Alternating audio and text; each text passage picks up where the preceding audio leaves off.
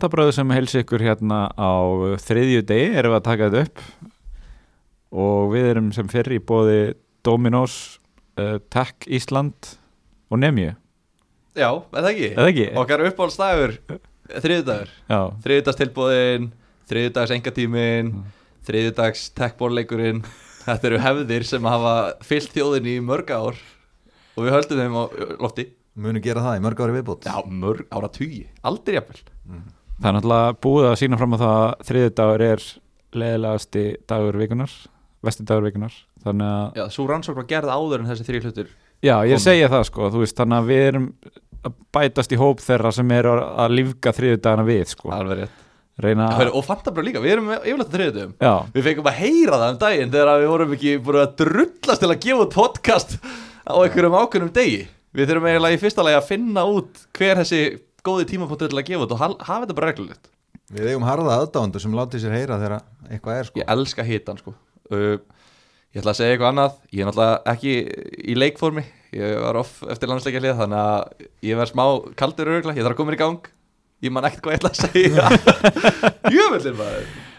Ertu með Stífan Kálfa eða eitthvað svo leiðis sem er að plaga Já, þig? já, ég, já, meðal annars. Já, já, heyrðu, vá maður. Vá, hvað, hæ, hvað, hvað segir Gunni?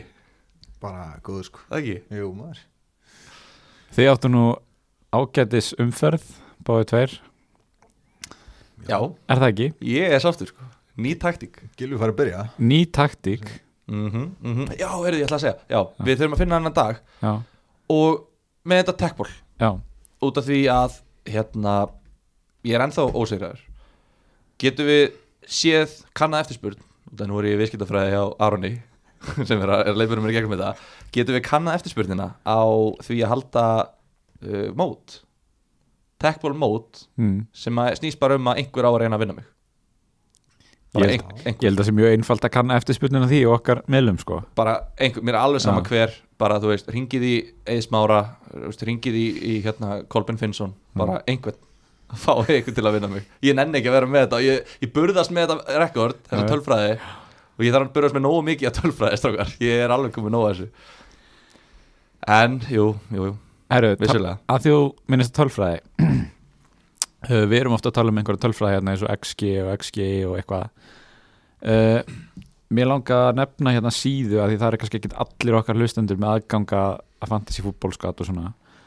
Uh, síðu sem ég heyri talað um daginn sem að heitir fbref.com FB, já, ref. Eins og í fjölbætaskólinni Breiðholti. Já, já.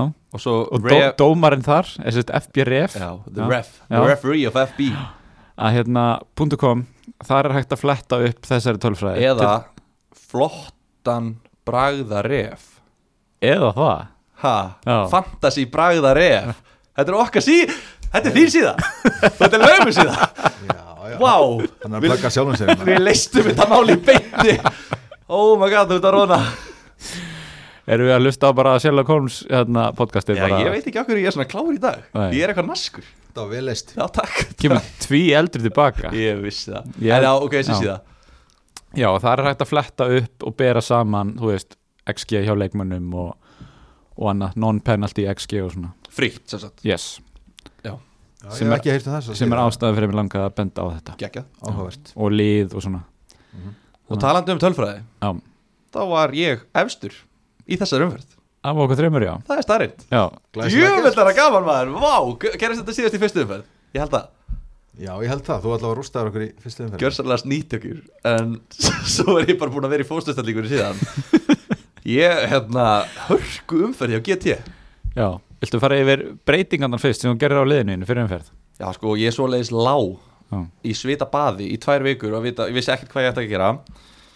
Spurði ykkur og, og hérna og þið reynduð að fá mig til að taka á mig mínus fjögustu til að fá grillis, taka grillis inn en ég sneri við því en ég ákvað líka að hlusta á þegar þið reynduð að segja mér að kaupa Bruno.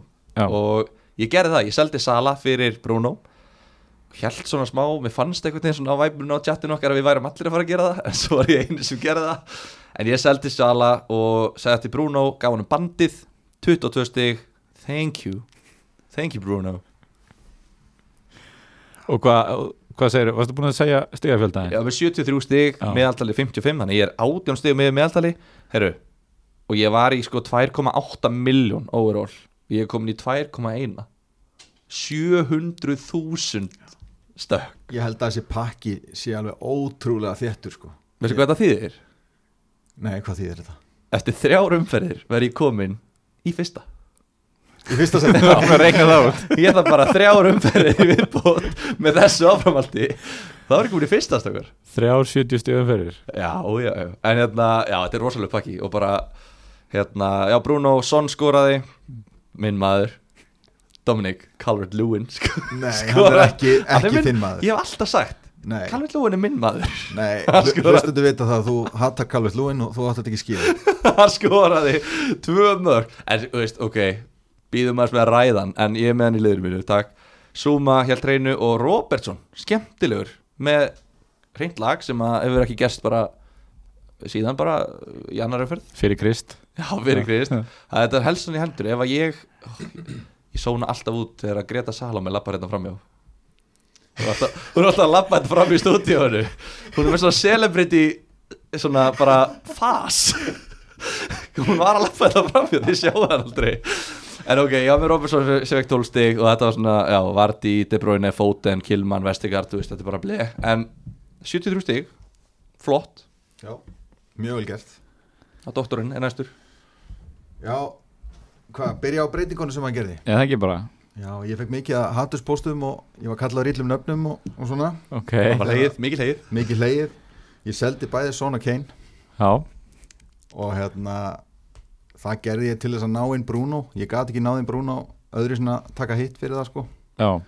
Og ég hugsaði bara með næstu sjö leiki hjá Spurs sem að mér finnst svolítið erfiðir að þá ákvæði bara taka hennar séns og halda frekar sala mm uh, ég tók inn Bruno sest og setti bandið á hann þannig að það gekk vel. Og svo tók ég inn Ray Charlesson líka sem að hefði getað fengið fi- fleiri stig en hann fekk, hann fekk 5 stig. En ég fekk semst 64 stig fyrir umferðina. Og var hann með Lamtey sem fekk raukt og, og svo er með Calvert Lewin og Kúfal, James Eiling í vörninni, góð stig þar. Og það var svona það sem er það var það helsta upptalið sko. Svo grílis hann 1 stig og De Bruyne 2 stig, Foden 1 stig. Ég verð að gefa það tímasetningun á kúfall Það voru geggjur kaup. Já. Er þetta ekki búin að fá, þú keftir hann fyrir tveim öru fyrir með ekki? Og reyndla ekki báðum? Já, Alvöru, já. Alvöru geði vestanvörnir er að skila Cresswell og Kúfal og Masuaku Enda, enda Sá besti. Mm við skulum bara segja það sem oftast og meðan það er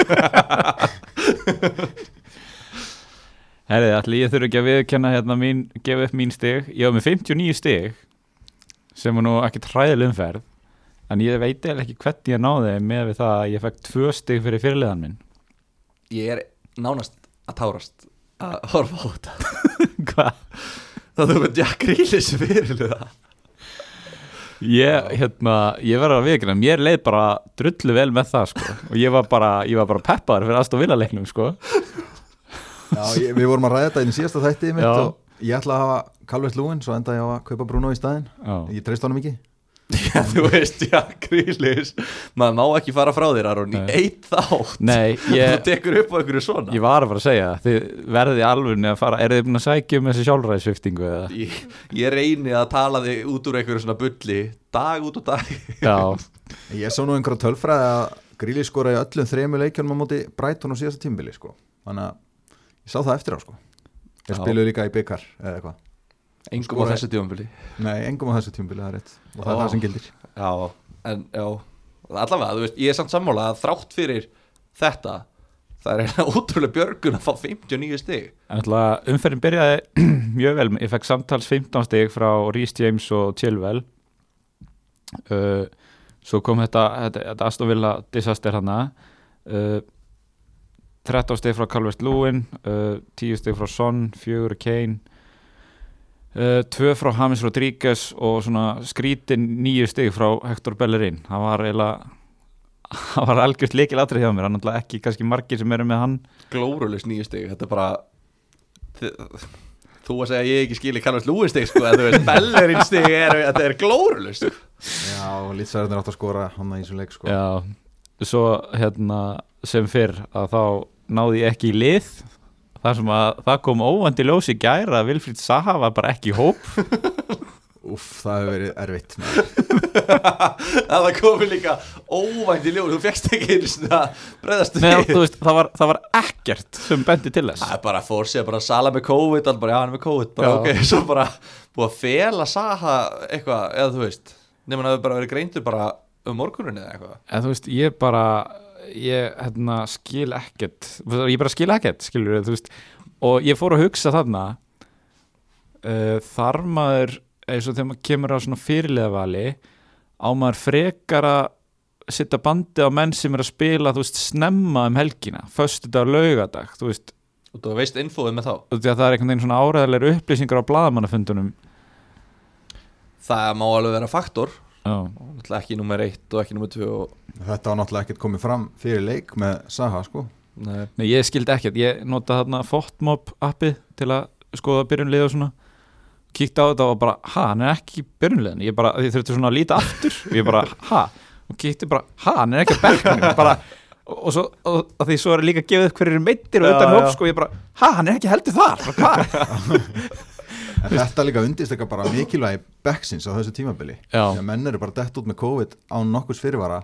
Maður verður að vera með einhvern á bekknum til að koma inn. Og verandi sá eini af okkur þreymur sem að ákvaða eh, sett, já, eða Gunni náttúrulega hjælt Sala en ég svona mátti ekki við meiri skakkaföllum eftir að ég hjælt honum í liðinu þannig að þetta var Davis og Dunn hann er ekki að nei, spila mikið í dag þeir eru sko. ekki að gera gott mót Dunn skoraði eitthvað eitt flott mark og allir Já. stukka á hann. En það er hérna, komið plan in action til að Ooh, I like that. Til að leira þetta. En já, 59 stig og, og þú veist yfir average en ekki góð umferð svona í það heila Captain Blank nummer, þú veist, ég veit ekki hvað á þessu tímbili sko. Já, mér fannst nefnilega margir eiga góð umferð núna Þú veist, aðverðis er 55 stið eitthvað. Mér fannst, ég átti góð umferð og ég bara, wow Þú veist, að ég er í enga deild og ég hugsa Nú svoleiði svíf ég upp. Og það ég er bara, þetta er bara 71, 63, 82, 80 Þú veist, 74, 70 Þetta er, er allir eiga góð umferð í kringum mig. Ég var nýjastum yfir average en ég fór samt niður overall? Eitthvað 900.000 var ég 800.000 Hvað það er fúlt. Já, ég var ekki, ekki sáttu með það sko. En Aron? Herru, ég, ég fór upp á við sko en það kannski ekki skrítið það sem ég var í.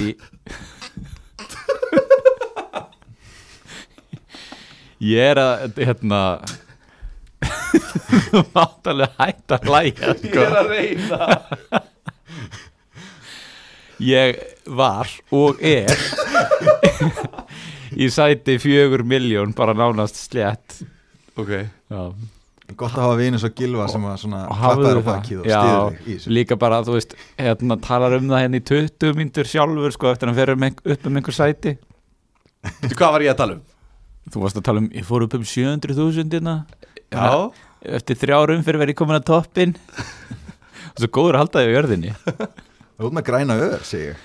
Já, Mjög já. margar grænar Herru, ég hérna var að skoða overallið áðan og uh, var að skoða líka toppsætin á Íslandi og þá hjó ég eftir því að uh, sá sem er efstur á Íslandi er í 15. sæti í heiminum Hæ? Já, Hver er það? Vá, voru ekki að tjekka því Nei, hver er það? Höskuldur Ágústsson með liði Viktor Anni Tjepe Vá, þú heyrir bara á nafninu Ef þú heitir Höskuldur Ágússon Mm. Þá ertu bara mjög góður fantasíspilari Og liðið þetta Viktor Anni Tjepe Hann er með allt. Maður geta, hann er ekki búin að spila neinum chips. Þetta er eitthvað Eh. svona alvöru baller Svona fantasy baller. Ég var nú ekki búin að taka, hann spilaði triple captain. Já, já, ekki, já ok. ekki núna heldur síðast á Harry Kane, að hann er nú kannski ég er nú ekki búin að fara í gegnum þetta en við kannski gerum ráð fyrir því að hann sé nú eitthvað að reyna búin að spila wildcardinu það reynd, geta reynda gegn mjög vel. Já, já. við ætlum ekki að fara eitthvað mikið gegnum þetta en bara vel gert að vera nummer 15 í heiminum. Þetta er orðin alltaf bjánalega langt svona byrjunarspjallina í þessu þætti. En höldum áfram. Því með eitt í viðbúr, sorry. Munið eftir hérna Liverpool-gæðinu sem var að spila í fyrra sem var bara, hérna, Já. var svona smá íkon í byrjun. Veistu, ég var að hugsa þetta og ég var bara, ég myndi ekki hvað hann hann, mann engin hvað er Nick Harris eða eitthvað. Nei, já, ég, það skiptir öll tipsin bara í byrjun. Já, og Já. var bara að konga yfir sig bara einhver, einhver gæði og Magnús Carlsen og eitthvað svona Erum við með eitthvað svona gæja núna? Eru þið búin að tekka því? Ok, Magnús Carlsen enda er enda mjög ofalega Hún er búin að gera síðustu tímbil Hann er fucking góður í þessu Hann er rosalegur En við, ok, við þurfum að leggjast í það Já. Leggjast í það setna En ef, ef ekki að byrja að gera eitthvað Jú, gerum eitthvað Það er Eh. uh, ótrúlega skrítið að vilja ekki bara drulla sér út í þetta sem fyrst eftir ömul umferð sko. ég, Nú er ég bara svona "Já, Ég get alveg verið þetta, ég er alveg til að spjalla þetta Herru, hvað hérna Þetta var, var ekki mikið skorað um helgina. Nei. Það voru áttalið held ég hafi talið sem að heldur hreinu. Þetta er aðeins að normaliserast þetta sem var í byrjun En það endalist að mörgum sko. Já, Já, og vá hvað ég fagnaði. Þetta er bara, þú veist, börnlegi fara að vinna 1-0 sigrana aftur. Og þú veist, þetta er orðið bara svona þægilegt. Eins og þetta á að vera. já, svona á þetta að vera, þú veist, Chelsea á að fara á móti Newcastle og þeir eiga að halda hreinu. Og þeir bara gera það, frábært. Já. Þetta er svona, já þetta er flott. Keli, kollegi okkar í Dr. Fútból, hann sagði frá því að hann, ef hann hefði verið með Werner í Fantasy þá hefði hann farið út og brotið rúður og kveikt í ruslatunum Já, ég trúi því maður. Hann átti ekki eðla mörg geggju færi sko sem hann klúraði En þetta er líka bara það sem við vorum að tala um fyrir, fyrir mótu og allt þetta, þú veist. Ég, mér minnir að ég hef sagt þetta fyrir fyrsta þátt að ég, jú, jú, þú veist, Werner er örgulega flottu leikmaður en ég hef ekki geðheilsuna, ég hafa hann í liðinu mínu út af einmitt þessu, ég, ég nenni ekki að vera með svona leikmann sem að þurfa 20 færi til að skora eitt mark. Ég er svolítið sammála sko. Þú veist, það er nóg að vera með sala og svona, veist, svona essentials eða svona nöðsynja vörur. Viðskiptafræðin. Sem að hérna nóg að vera, ég er að fara að tala í svo miklu viðskiptafræðin núna sko, nóg að vera með svona nöðsynja vörur sem að þú veist, eru bara að þurfa 20 færi en að vera með eitthvað svona sem að ég get komist af án sem eru samt með vesen og stæla, þú veist, ég meika það ekki.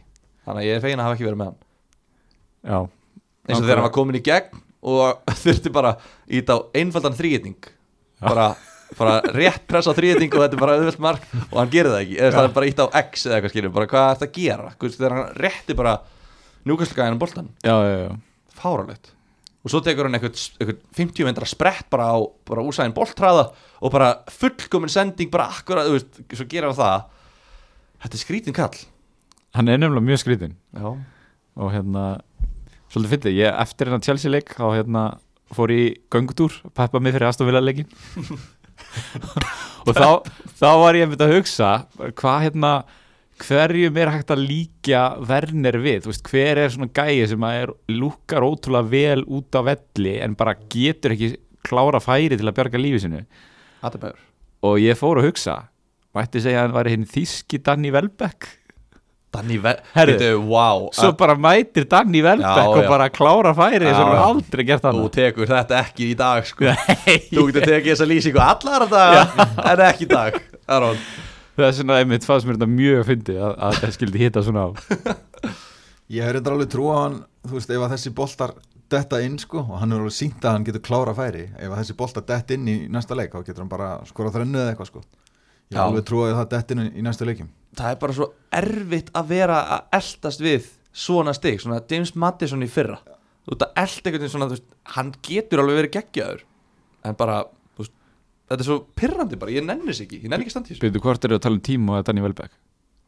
Tímó Já, Timo? ok. Þú veist, Velbæk Það er enginn að fara að kaupa velbæk sko. Velbæk er kóngurinn og alltaf En hann hafa ekki heim í fantasy podcasti í dag Ekki ára 2020 sko, því Hann miður. skoraði fínt mark en samt Já, bara býðum tímum Mopay er ennþá kóngurinn í Breitón Er það svo? Nei, en hérna, já, með Chelsea Tammy Abraham, Já, þú veist, er það hérna, Hvað kostar hann? 7,2 held já, ég 7.2 og hann er búinn að sk- þú veist, búa til mark, skorað að leggja upp í hverjum einasta byrjunarleik í, á tímabölinu, fimm leikir og tvö mörg og þrjú að sérstu það ekki? Nei, þrjú mörg og tvö Þrjú assist. mörg og tvö assist. Búinn að byrja fimm leiki. Og nú er búinn að byrja síðustu þrjá, er það ekki rétt? Jú, og búa til mark í öllum þeirra og búinn að spila 90 myndu tvisvar og við munum að hann, honum er gjörsanlega fyrir munað að skora á móti stóruleðunum og þeir eru að tóttunum í næsta leik þannig að hann skorar ekki mútið þeim. En eftir það eru sex svona Tammy Abraham leikir. Já, þú mætti segja það. Ég var nefnd að hugsa þetta þegar, hérna, þegar leikurinn byrjaði var ég bara, já, þú veist, er erum við, ég fekk svona pínu skömmustu tilfinningu, bara erum við ekki búin að gleyma að tala um þú veist? við glemum því bara, Já. við verðum bara við ekki? jú. Ég held samt þegar, þegar Pulisic kemur tilbaka þá held ég að hann verði Tammy verði inn og út úr liðinu sko. Ég veist, fyrir eftir, ekki ef hann er að skora ykkur með næsta leik. Nei, kannski ekki en þú veist, ég held ég myndi ekki þóra að kaupa hann. Bara út af því að þegar Pjúlisic kemur tilbaka þá veit maður ekkert hvernig spilatími verður. Hvenær kemur hann tilbaka? Ég held að hann hafi bara meðist eitthvað lítilega en ég við ekki það, ég veit að ég er ekki alveg með á hreinu. Þannig við erum þá með Sajek og Pjúlisins á köntunum, Mount í hólunni og Werner fyrir mig. Já, ég held að það sé svona besta liðans En þeir eru að spila drullu vel. Þú veist, þeir eru bara búin að drullu góðir í síðustu leikjum. Búin að vinna nokkra í röð og bara, þú veist, þetta bara mallar. Ég, þú veist, Er hann eitthvað að fara að koma inn í lið? Er, er, hann- er, er, er, ég hef ekki síðan nóg mikið. Er hann bara að fara að lappin í liðið þegar hann er klár, Púlisins? ég myndi gera ráð fyrir því já, þegar hann er orðin heill en hann er, hann er virðist vera svona svolítið meðsla pjessi, hann er alltaf meðast eitthvað lítilega, alltaf stutt í hann.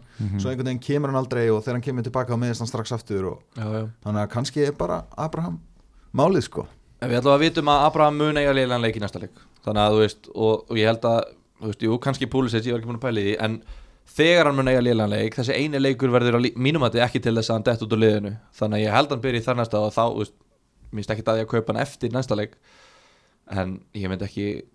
ekki ekki gera það núna sko. Svo er leggja bara, það er svo mikið að kostum hann að frammi sko, Já, á svipuðu verbili þannig að það er svolítið erfitt fyrir, finnst mér að kaupa hann. Þetta er eiginlega svolítið skemmtilegt sko því að síðustu 1-2 árin þá hef ég alltaf bara verið ég sé valjú kannski tveimur sóknarmönnum eða eitthvað, þú veist, í fyrra það, maður var með 7-8 miljónar, maður var með 1 tími ennast kannski. Og eiginlega ekkert meira það. Það var engin prímjum sóknarmæður að gera neitt að viti og það var engin svona 5-6 miljónar krónar sóknarmæður heldur þetta var, þetta var svona Danny Ings og Jimenez svona miðjugæjar Mhm. núna, það er allir að blómstra Já. Bamford, Ings, Werner, Tammy, Kane og hver einn enn? hérna Olli! Nei, nei, ekki hann Já, þú meina, þú veist, jú, Olli Calvert Lúin, Calvert Lúin, já, Michael gleymi Starry honum. Charlison Já, já, þú veist, það, það er svo margir Já, Og þú ert bara, ok, wow, þú veist Ég er þetta með eitt assist í leik fyrir 6 miljón krónar miðjumann En ég með tvö mörg fyrir 10 Þetta er bara svona, þú ert að fara að reikna valjúið Stig með við verð og eitthvað svona Þetta er, þetta er svona átt að vera veist, þetta er ógeðslega gaman að spila þetta svona. En hérna. En Mason Mount, er hann þá ekki ég menn, hann virðist bara að spila alla leiki? Hann er búin að vera búið til mörg líka. Já, Hann lagði upp í síðasta leik líka, er það ekki, eða þar síðasta? Eða skora hann, hann er var búin að, þú veist Svona smáa því að ég held að hann væri að dett út úr liðinu þetta Já hann átti tólstega framistuð þarna á móti Vestbrom fyrir tímbilinu og svo la- lagði hann upp á móti Burnley. Já. Ég myndi ekki kaupa hann sko. Nei, Það er nú annar vinur okkar hérna á svipuðu verbili sem að ég held að við séum frekar að fara að tala um en, en hérna, já, ég held að valjúi sé að ég veit ekki. Svo er vördin að halda hreinu líka. Er ekki rétt muna hjá mér var ekki Chilwell stóð skoraði sjálfsmarki henni í byrjun. Var svona sentimeter frá því að poti boltar sko. Já, hvað var satisfying að sjá það? Ég var bara eins fokking gott fyrir því að pótunum minn sjálfur. Er ég svo eini sem er með eða? Af okkur þreim já, Já, Já, ég hef ekki, ég hef ekki höndlað mark þarna frá hann Ég var pælið í Zuma eða Chilwell. Tók Zuma, hann skoraði, svo skoraði Chilwell Ef Chilwell hefði skorað aftur. Þá hefði þetta verið hérna, röng ákvörun Eða verri ákvörun Já. En tvö hrein lög í þessum þremur leikjum sem við vorum að tala um Og vörnin þeirra lítur bara drullu vel út með, já, mjög góða varna tölfræði síðustu leikjum og einmitt Chilwell er alltaf hann á fjárstenginni hann er bara að fara pótunum inn og það eru fleiri mörg að fara að koma, það er bara að bóka og Zuma maður verður bara að finna einhver leið fyrir hann inn í liði sko. er bara, er, Ertu alveg þar? Að það sé bara, hann sé það nöðsynlegur já, ég bara ég er alltaf skítrættur um að skora í hverjum einasta leik Sástu skallafærið hann Zuma í leiknum? já, já, já, hann, hann er líka hættulegur sko. hann stangaði hann. Þetta, þú veist Æ, ég veit ekki, þú veist, hann er bara útýrar líka. Chilwell er komin í, hvað, 6,23 ár Chilwell er líka náttúrulega alltaf að gefa hann fyrir hann er líka assist potential í honum. Já, mér finnst meira valjú í honum en Zuma virkilega gott valjú líka. Kannski bara vera með að báða. James líka. Hann Já. er náttúrulega bónusmúta sig öll og allt þetta og hann er líka að vaða upp veist, Það er fullt af Chelsea leikmennum sem eru valið núna sko. En svo geta það breyst bara næstu þremuleikjum eða missa flugið. Spurning hvort það er hlutabriðin séu í toppinu núna eða hvort þetta sé bara ég veit það ekki, hvað er Tottenham, Leeds og Everton? Þú veist, þetta eru þrýr erfiði leikir myndi ég segja. Ekki sóknarlega á móti Everton. Everton leikur 23 í hverjum einasta Já, leik. næ, reyndar, en Tottenham og Leeds á undan sem heldur bæðir hennu Já, við vorum að segja í síðasta þetta hvað lýts verður umulegir í vörn. Ja, Þið, en já ekki hérna, blanda mínu nafnin í síðasta þáttak Vil ég segja eitthvað meir um Aston Villa Brighton? Mm, Kannski bara taka Olli hodnið Já, sko, ég, jú, ég verði að finna Olli út af því að ykkur fannst svo ógeðslega gaman að taka það síðast. Að ég er að pæla að taka það núna. Já, Já, þetta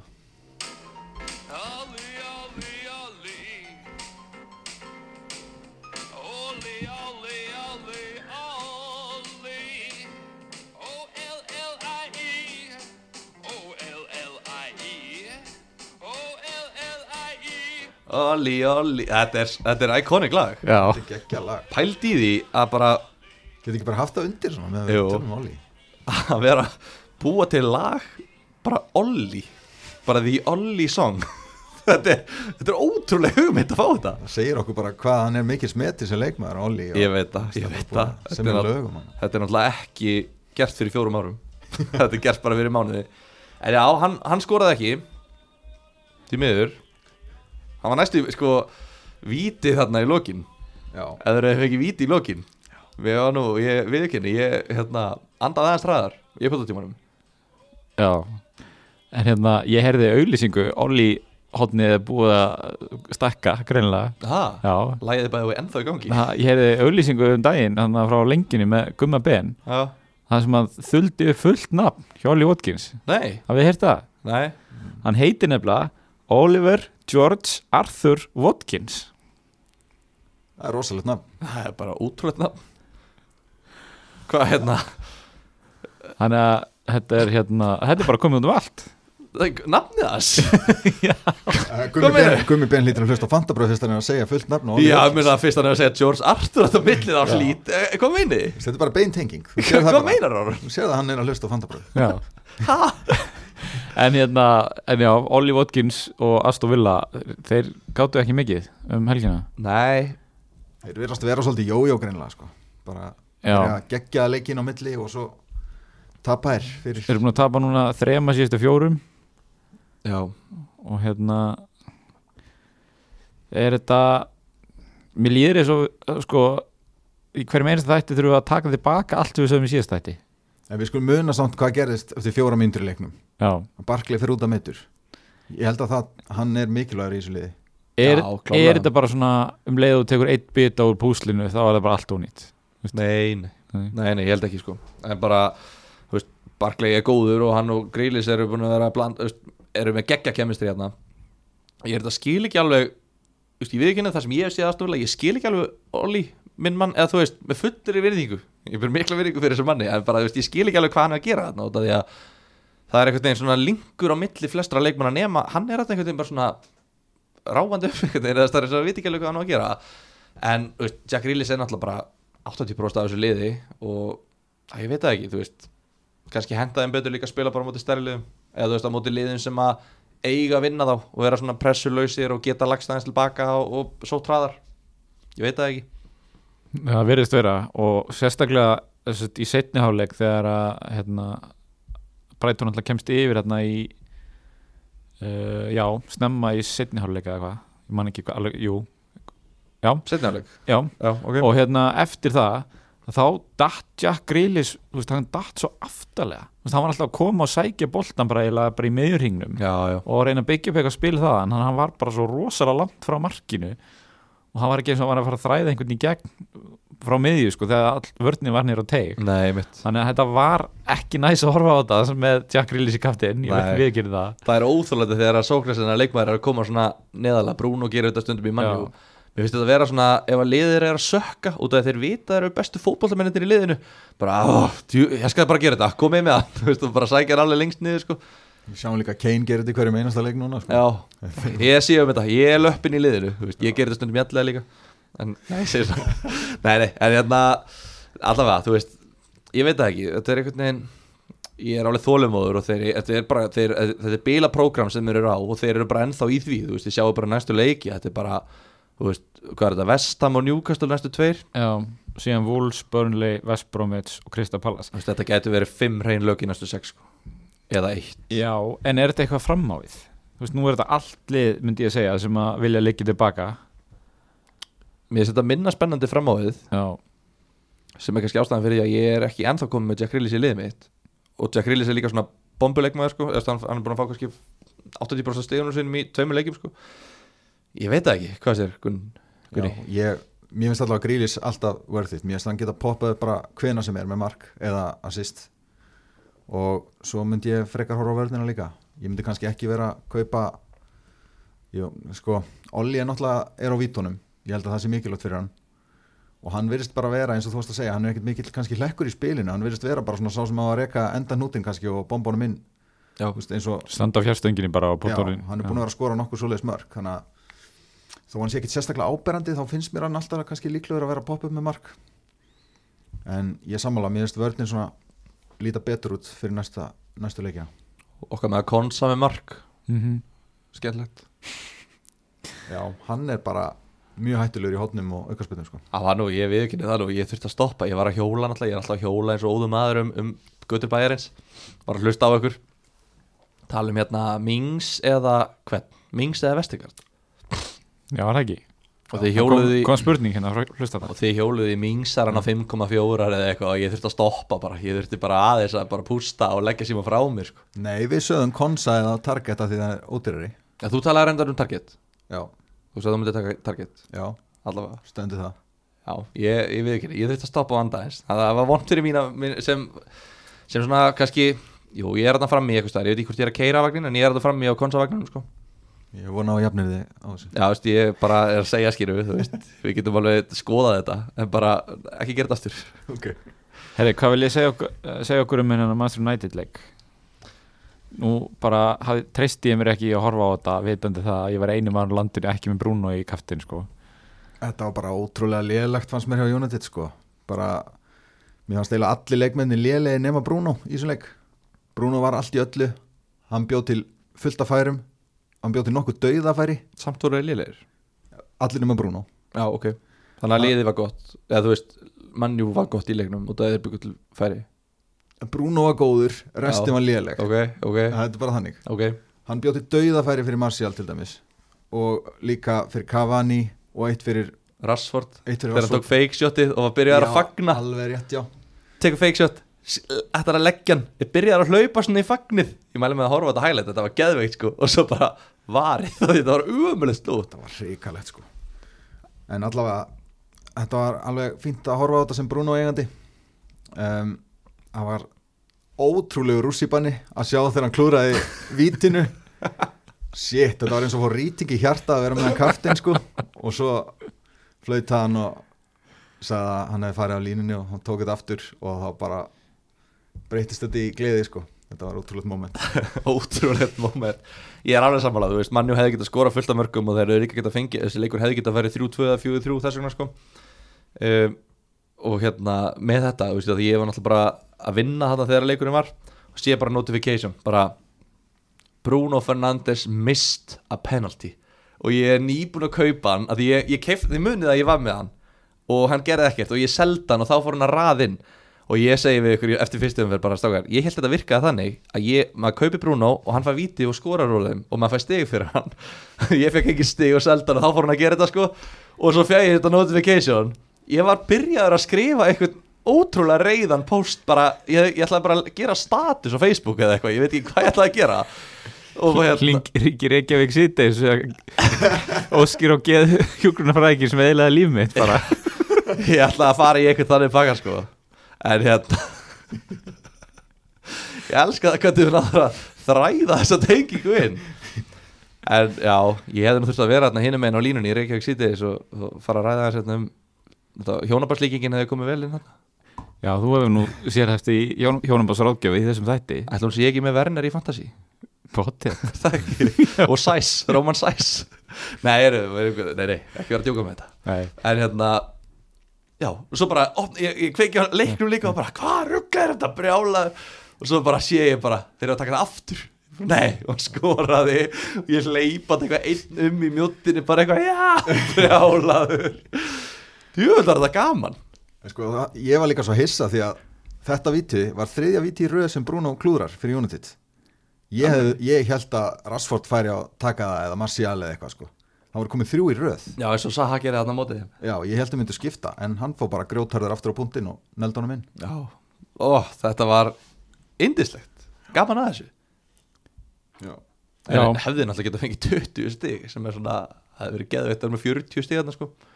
En það er svo sem ekkert meira um þetta að segja þú veist, ég er alveg sammála gunna, Bruno var bestur og hann er eini fantasígæðin í þessu liðinu. Og það er náttúrulega engin fantasígæði í Vestbróm Ivanovic til miður, ég get ekki alveg gefið græntljós á Ivanovic strax en það stýttist í það. Við tölum um það hérna síðast að Fúlam og Vestbróm væri kannski ekki eins lélega eins og við heldum Er þið eitthvað meira hefði eitthvað meira að segja um það veist, eða er það eru þau bara léleg? Ég held að Vestbrom séu aðeins skárri en veist Fúlham aðeins léleri en þeir eru kannski ekki alveg jafn ömulegir um að held í byrjun. Nei. en, en ég held að sé samt fínt að kaftina gauðra sem eiga þá sem mótir Þetta er alveg léleg lið skilurðu. en þau eru, já, þau eru ekki ógeðslega léleg þó að stí, stígatablan sé náttúrulega eins og hún er. En okkur hjá fantasy okkur fantasy spilarum er alveg sama um stigatöfluna í ennsku deildinni. Mér er alveg sama hvort eitthvað lýsi með eitt stig eða þrjú stig. Ég vil frekar setja bandið á leikmann sem er að mæta Evertón á heimaölli heldur en börnlega útivelli. Mhm. þó Evertón sem er miklu betra lið út af því að Evertón fær á sig fleiri mörk heldur en börnlega skilji, þannig að Þannig að það er það sem við erum að horfa á og, og Fúlam og Vestbrom, þetta er ekki svona, veist, við kallum þetta á, á fantasísku Whipping Boys, Whipping Boys, þetta er ekki þannig, Þannig, að, hérna, við þurfum íslenskun fyrir það, by the way. já, ég ætla ekki að treysta mér í það alveg strax Svipu strákat Svi, svipu strákar. og ég vissi ekki að það er góð kistlegt Já, ég hugsaði, hann Gunnar er að fara að mæki núna. Svipu strákar, þetta er bara- flott. Þetta er ekki svipu strákar, en þetta eru mjög liðlir, þetta eru skólastrákar. Liðlir. ok, herri já talandi um Fúlam Evertón uh, Calvert Lúinu 2 voru vor ekki Evertón að spila eitthvað nýtt leikjari 3-4-3 Sjálfsson var allavega mættur. Já, með Lukas Dinni og Alexi Vópi í bakverðunum Já, var það? Ég, og Dinni leggur upp tvö. Bara Eh, tvö mjög þægilega sýst á dinja. Já, það sem maður kannski helst að segja með leik er að, að Fúlham skora tvö mörg og klúður aftur víti. Það var nánast jafn glæsilegt og síðasta. Talandi um vítaklóður á Bruno þetta er nú bara eitthvað grín. Hvað er að þessum gæðum Ok, hann náttúrulega bara rennu greið sko. Ekki renna þegar þú tekur víti. Nei, nei, það, það á ekki að gera sleftu því. Það Já, maður sleppi því, samanlega þetta var fárálegt Jésús maður. En Já, já, Everton eru bara áskrifundur af 23 mörgum á sig. Þeir þurfa bara að skora meira það eða að vinna leikina. Og það gengur ákveðlega sem er bara flott, þú veist, þannig viljum við hafa það er bara flott að vera með Calvert Lúin og þú veist bara að liðið þarf að skora þrjúmörk til að vinna. Mhm. af því þá reyna þeir að skora þrjúmörk börnlega þarf ekki að skora þrjúmörk börnlega fyrir ekki leiki og reyna að skora þrjúmörk þeir vilja bara vinna. Everton fyrir leiki og segja, ok, við vitum að við þurfum svona þrjú-fjögur mörk til að vinna. Ef við ekki að gera það, jú, gera það, já sérstaklega er alltaf að vera líka með Pickford í markinu ofan á allt þetta sko. Ofan á allt sem er að sjá það Gat hann gert betur í fyrra markinu á Fúlham, fannst ykkur það?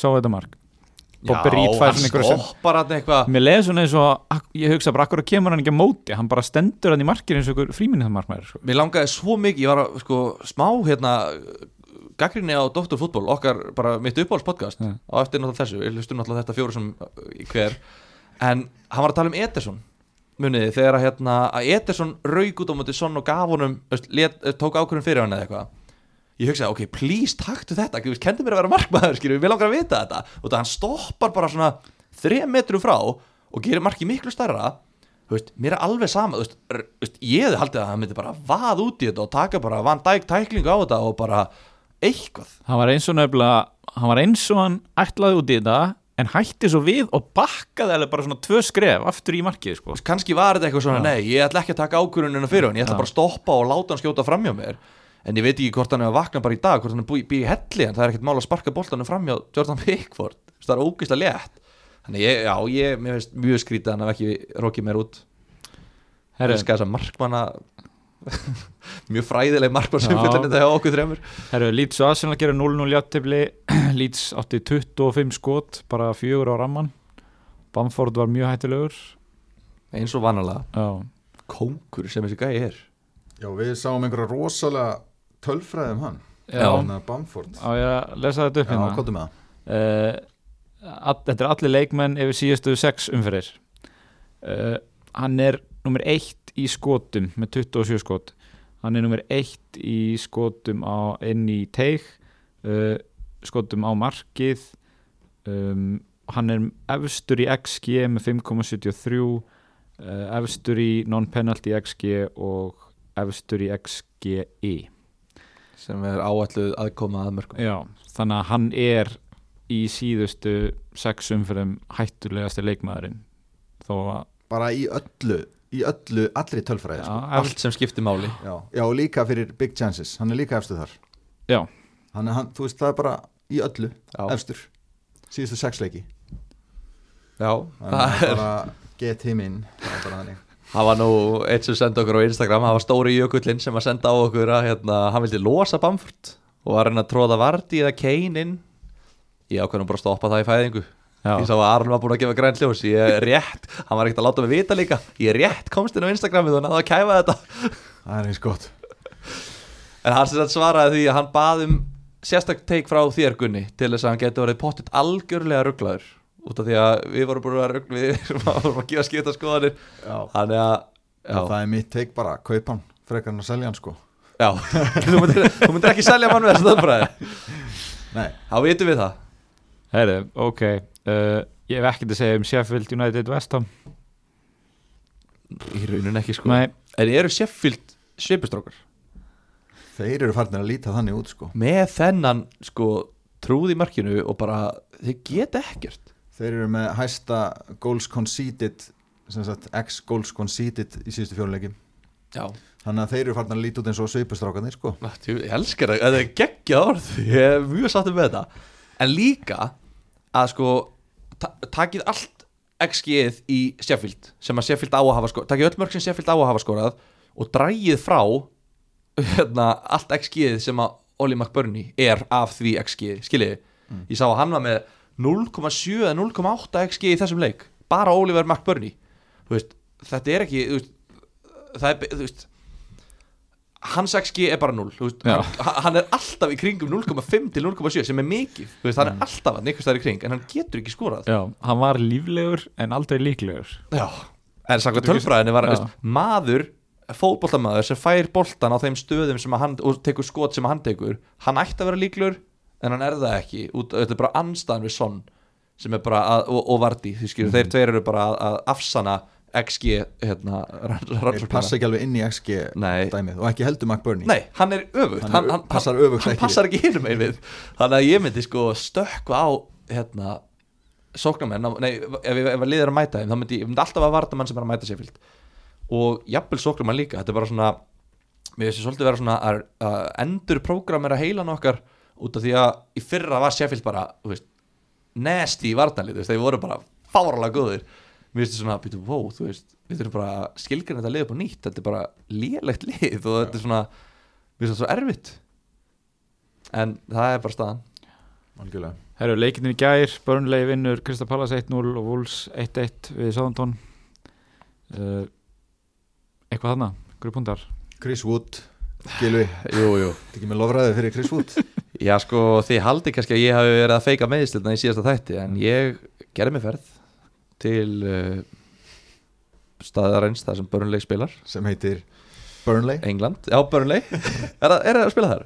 Já, ég vona að ég sé ekki að skýta upp á bak en já, það heitir Burnley held ég. Já, ok, ég veit ekki. En, Ok, ég veit ekki, ég var gripinn að það glóðvolkur Ég, hérna, ég tók þetta bara Zoom. Ég ringdi bara í hann á Zoom og ég sagði bara Yo, my friend, my amigo, Chris Wood What are you doing? Og hann Þú veist að hann er breyti, ekki mexikan. Nei, Hann er nýsjálendingur. Nýsjáleikur Já, Já, við tjóðum svo Þetta er Það bara er með nýsjálenskan hreim við hann. Já, ok, þetta er svona smá yngahúmor hjá okkur að tala stundum spænsku, þú veist, ekki reyna að koma þér inn í okkar samband. En ég að heyrði honum og hann- hann sagði bara, já, ég veit að maður, við erum að falla, sko, ég bara nenni sig ekki lengur. Þannig að hann græja, græja mark. Minn maður.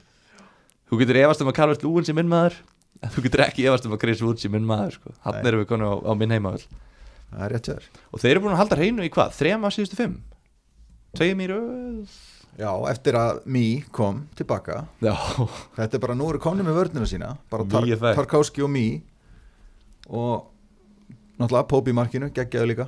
Já, svo er þeir að fá líka barsley Já, Barsley og Taylor og allt í blóma. Þannig að hérna Hvað er, hvað er það með? Er þetta, ertu með þetta þarna? Hvað er búin að halda hreinu mikið í síðustu leikjum? uh, þeir eru búin að halda þreysar á tímbilinu Já, þrísar í röð, það var eitthvað byggaleikur eða eitthvað Já, geti verið. Já, þannig að þeir, veist, og Tve, síðan tveim deildar ekki já Þannig að þeir, jú, þeir eiga vissulega City sem eru samt kaldir en eftir þann leik ég er alveg til í að prófa eitthvað svona það ég veit að það eru margir svona, veist, í stöðunni hjá mér og Aroni sem eru bara að skýta á sig og eru að leita að svona leiðum til þess að fá stig sem einhver annar er ekki að fá. Það er ekki margir með börnlegi leikmenn og við munum að þú veist í byrjun tímabils jú, þeir voru að skýta á sig en, en tölfræðin var góð þú veist þeir voru ekki það var ekki veist, þeir átti ekki að hafa fengið á sig svona mörg mörg. Þannig að ég veit það ekki ég held að þessi- við getum alveg fengið eitthvað svona laumu stig með að taka inn einhvern 4,5 vartamann í börnlegi eftir næstu umferð. Taylor til dæmis. Já, hljóma vel. Já, og Che Adams leggur upp á því og Volcott hjá Southampton. Stigaflóði hjá T. Adams heldur bara áfram. Þetta er, þetta er ótrúlegt. Já. Þessi maður er bara geggjaður, vá hvað ég hérna ég vann matan. Já, eftir að ég hérna, losaði um hlekkina og seldan að þá bara stigaflóð. Hann var nú samt búin að gera eitthvað er það ekki? Ég með minna hann hafi ekki gert neitt fyrir mig. Hann var, hann var búin að klúra fullt að færum. Já, hann var, klúður hann var hæsta XG af öllum sem voru ekki búin að skora í Já. deildinni já, en hann er búin að koma að marki í einhverjum 5-6 leikjum í röð held ég. Hann er, og sérstaklega eftir að Ings fór hann er bara að fylla upp í þetta. Hann er, hann er, þetta er bara ef það væri ekki svona ógísla margi kostir þá væri ég að tala meir um hann en þú veist, ég guttir að kaupa hann. Ég myndi líklega ekki selja hann en þetta er, þetta er svo erfitt þegar svo margi sóknum mm -hmm. en ég ætlaði nú að senda á okkur með að því ég var með Kilman og Vestegard ég ætlaði að senda á okkur í hálfleik bara eða, eða jú, í hálfleik þegar var ekki 0 í hálfleik Jú, bara, strákar, þessi leikur er svo mikið tís ég get að lofa ykkur því að hann endar 1-1 þú veist að ég fæ ekki, ekki stig úr þessu leik og það er náttúrulega gerist að ég var búin að eiga það góð umferð að það gæti náttúrulega ekki gerst. En hérna, 1-1 bara, jú, típisk úrslit og lítið um þetta að segja. McCarthy sjö stig og fekk á sig mark. Herðu, Er það hægt? vá hvað það var þreytt. Byrju, Já, það er mjög þreytt. og var það ekki vítið það? Nei, hann var með bara- 8 vörslur í leiknum. Og. Hann fekk 2 vörslustig, 3 bónustig og 2 fyrir að spila leik Þetta er náttúrulega bara eitthvað hags. Það er bara óþólandi en þú veist já, að ég veit ekki, svo fyrir mér vúls bara hundleðilegir Já, mér finnst þetta bara umulega bóringlið og þeir hérna veist, hvernig er það að skora mark, ég veit það ekki. Þeir eru bara leiðilegir, það er ekkert mál að verast á móti en þú bara parkirar og þeir bara skjóta eitthvað fyrir utan teg. Og ég held að Mutinni og Ruben Neves væru gæja sem getur bara dr- hamrað honum. Ég er ekki búin að sjá það. Þannig að þú veist, að vera með markmann í liði sem mæti vúls, út af því að þetta er eins og makkarti með átta vörslur, þetta er svo auðvelda vörslur. Já, þú veist, ég veit ekki bara jú, þeir eru þetta, hvað, er ekki Arsenal næst? Jú. Alltaf engin með Leno en, þú veist, ég veit ekki, mér finnst þetta bara þú veist, og að þau skoði úrslitin hjá þeim bara eitt mark í, eða tvö mark í hverjum einasta leik hjá þeim. Jimenez hefur ekki verið svona kaldur bara frá því hann kom til Wolves. Nei, Hann það, er bara tölfræðin líka sko. Já, bara hann á valla skot þetta var það eina sem við vissum um Wolves var að Jimenez fengi nýju stig í hverjum leik. Já. og það er búið að bregðast núna og þá er allt búið að bregðast í Wolves. Þannig að þeir eru bara jú, ég líður vel með Kilman ennþá og, og Sæs er náttúrulega bara horfin ég veit ekki, er hann mittur hann var ekki hóp síðast eitthvað? það var einhverja orðumar með COVID hjá honum. En ég veit að ég har ekki staðfest. En bara, jú, mér líður vel með Kilman en allt annað er bara cancelað í Wolves því miður. Herru, þá hefur við eftir að tala um uh, kannski stærstu leikina tvo Li- Liverpool, Leeds- nei, Liverpool Leicester og Tottenham Ma- Master City. Yes.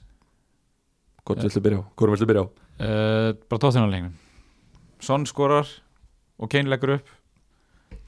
Ekkert nýtt undir sólinni. Nei, Já, ég náttúrulega seldi báða þessa leikmenn fyrir Já. umferðina þannig, að- og þetta var áður en að hini tveir sem ég kefti í staðin spiluð þannig að ég var hérna bara held ég væri búin að bara klúra styrta tímabölin í klósti sko en hini skiluð í staðin en, en þeir halda bara áfram. Og eins og við vorum að tala um í síðasta þætti að hérna að Son væri alveg líklegur á móti þessum góðu liðum af því að þau kom upp á vellin og hann er svona þeirra besta svona skyndisokna vopn.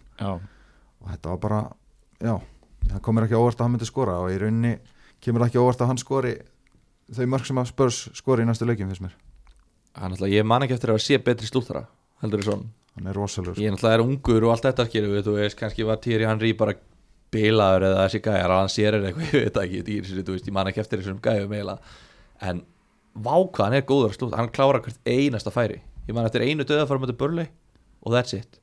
XG Já. aðeins er svona tvö mörg á tíumbölun held ég. Ég man eftir einu færi þegar ég var með henni kaftina mútið West Bromwich þar sem hann tók svona 8 sekundur Já, jú, það var. Vestbróm, já, já, og það var Hann klúraði því af Það var að- já, hann fekk of langan tíma þar, sko. Já, en bara hann er ógeðslega góður að slúta og þetta mark þetta, þetta, er svo, þetta er svo lýsandi fyrir Kane, Son, duettinn Mhm. að Kane sko sá- sá- sáðu Kane í þessu marki? Já, hann, hann tók svona Parísarhopp hann hoppaði bara aftur, aftur niður völlin, hann hoppaði bara svona móti boltanum.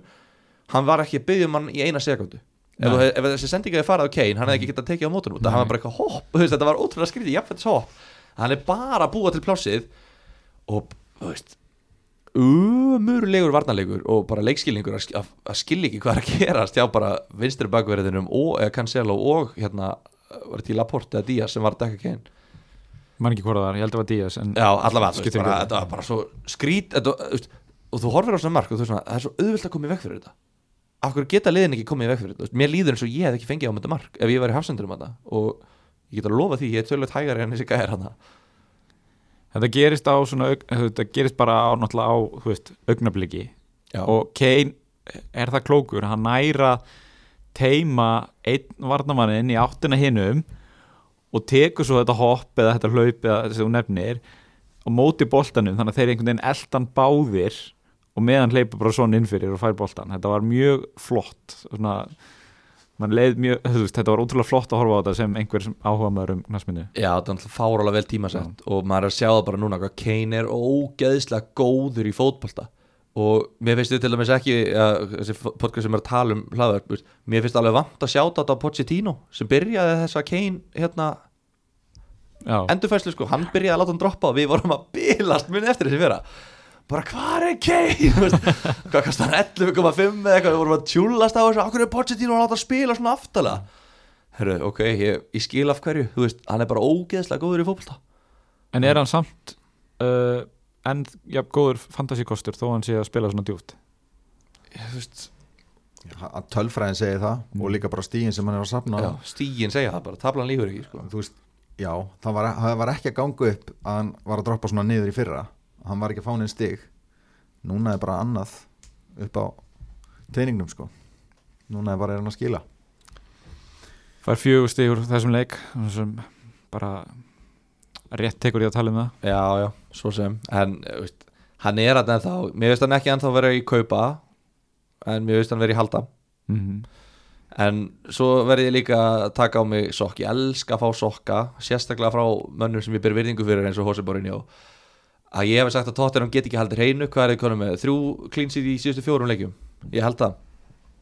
Þannig að Regi Lón er kannski bara betra pikk en nákvæðin einstaklingur hérna hefur verið að tala um síðustu daga, við verum að líti í einn barm. Já, gott að heyra að þú getur skipt um skoðun. Ég, ég get skipt um skoðun, það hefur aldrei verið vandamál. En er það, veist, vartamenn Eða kaupa vartamenn í Tottenham? Þeir fengi á sig 22 skot í þessum leik. Ég held að á venjulegum degi hefði nú eitthvað að þessu dottið inn. Ég, ég ætla ekki að kaupa tóttina varnamann fyrir þetta prógram sem er framöndan Jæja, sama hér, ég held að það sé ekki tímapunkturinn til að kaupa tóttinu varnamenn en fyrir þetta prógram sem að hófst á Leikjag City sem var hreinlag já, já, já, við getum sem rætt þetta endalaustar, ég held að við Bara ættum segja. fara yfir í næsta leik. Ég er bara að segja, seti virðingu á morinu og nafnið. Þeir áttu fjögur skot í leiknum á móti 22 Null mörg Herru, Talandi um null mörg, já, Leopold fekk á sig null mörg já, Sástu þessa tengingu þar Af hverju er ég ekki þáttastjórnandi hérna? Af hverju er ég ekki að stýra tempón Dreifa spilin já. Bjögu, bjögust kannski við að hérna, þetta er erfitt fyrir Liverpool verandi án svona helming af sinna leikmanna. En uh, þeir bara völdu yfir lestir Vá hvað þeir voru góðir. Já, Þeir voru ógeðslega góðir í þessum leik ég átti vona miklu meira spennandi leik en Já, þetta sko. já, ég var að pæla bara að sko, taka upp veskið og betta á lestir sko.